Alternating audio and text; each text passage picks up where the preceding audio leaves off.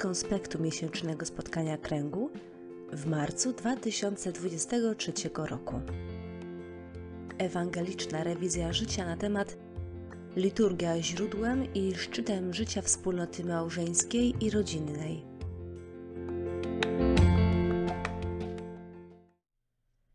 Widzieć. Aby urzeczywistnić tak wielkie dzieło, Chrystus jest obecny zawsze w swoim kościele, zwłaszcza w czynnościach liturgicznych. I jest obecny w ofierze mszy świętej, tak w osobie celebrującego, gdyż ten sam, który kiedyś ofiarował siebie na krzyżu, obecnie ofiaruje się przez posługę kapłanów, jak zwłaszcza pod postaciami eucharystycznymi. Jest obecny swoją mocą w sakramentach, także kiedy ktoś chrzci, sam Chrystus chrzci. Jest obecny w swoim słowie, bo gdy w kościele czyta się Pismo Święte, on sam przemawia. Jest obecny, gdy Kościół modli się i śpiewa psalmy, gdyż on sam obiecał: Gdzie są dwaj albo trzej zebrani w imię moje, tam jestem pośród nich. W tak wielkim dziele, przez które Bóg otrzymuje doskonałą chwałę, a ludzie doznają uświęcenia, Chrystus zawsze łączy z sobą swoją umiłowaną oblubienicę, Kościół, który wzywa swego Pana i przez niego oddaje cześć wiecznemu Ojcu.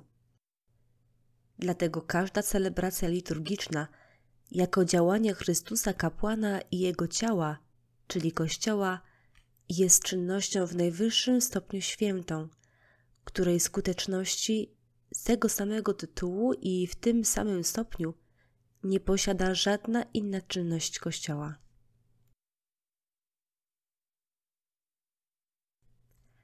Jak wyglądają nasze małżeńskie i rodzinne celebracje liturgiczne?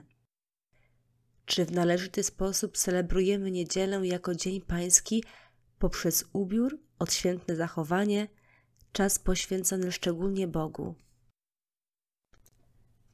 Osądzić. Ważnym więc celem modlitwy Kościoła domowego jest stworzenie dzieciom warunków do naturalnego wprowadzania w modlitwę liturgiczną, właściwą dla całego Kościoła, zarówno przez przygotowanie do niej, jak i przez objęcie nią życia osobistego, rodzinnego i społecznego. Stąd konieczność stopniowego uczestnictwa wszystkich członków rodziny w Eucharystii, zwłaszcza niedzielnej i świątecznej, oraz w innych sakramentach, a szczególnie w sakramentach inicjacji chrześcijańskiej dzieci.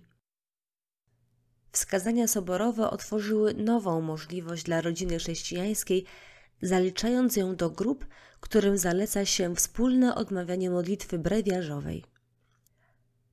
Tak więc do rodziny chrześcijańskiej będzie należała troska o to, by również w domu obchodzić w formie stosownej dla jej członków okresy i święta roku liturgicznego.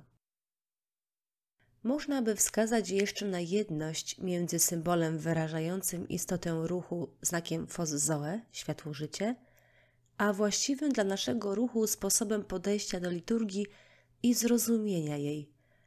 Bo światło jest nam ukazywane i przekazywane również przez obrzędy liturgiczne. Formy stosowane w liturgii są pewnym światłem. Przez obrzędy i symbole liturgiczne jest wyrażona Boża prawda, która jest tak bogata i tak inna od naturalnego ludzkiego myślenia, że nie da się tylko w słowach wyrazić, ale nieraz głębiej wyraża się w znakach. Stąd postulat posłuszeństwa wobec światła w tym wypadku konkretyzuje się w posłuszeństwie wobec znaków, symbolów, obrzędów, przepisów liturgicznych. To wynika z zasady światło-życie. Życie musi być podporządkowane światłu, światło musi być wcielane w nasze życie. I stąd to dążenie, żeby najpierw głęboko wniknąć w treść liturgicznego znaku i symbolu i postawić pytanie: co Bóg chce nam przekazać przez Kościół, przez dany obrzęd, znak liturgiczny? Dlatego w naszym ruchu pielęgnuje się mistagogię, nie tresurę liturgiczną, nie ćwiczenie ceremonii liturgicznych. To też gdzieś ma swoje miejsce, ale wszystko to musi być mistagogia, czyli wprowadzenie w misterium. Świat znaków liturgicznych, zwłaszcza sakramentalnych, to jest właśnie misterium zbawienia.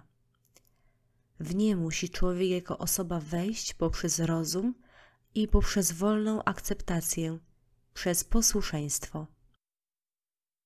Dlatego w pracy ruchu, od oazy dzieci Bożych poczynając, przez wszystkie stopnie formacji służby liturgicznej, przez wszystkie stopnie oaz, stopnie formacji deuterokatechumenalnej, wszędzie jest mistagogia, wprowadzanie w rzeczywistość zbawczą uobecnioną w Kościele, w liturgii.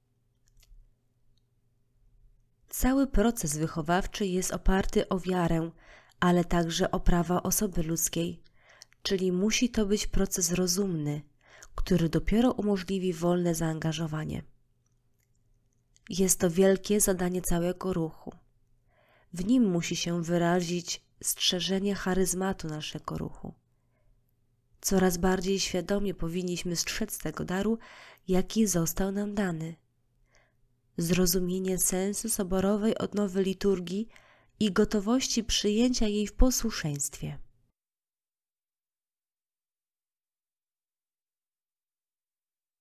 Jak widzę przestrzeń istnienia liturgii w małżeństwie i w rodzinie? Jak w kontekście przeczytanych powyżej tekstów powinniśmy wspólnie przeżywać kolejne okresy roku liturgicznego?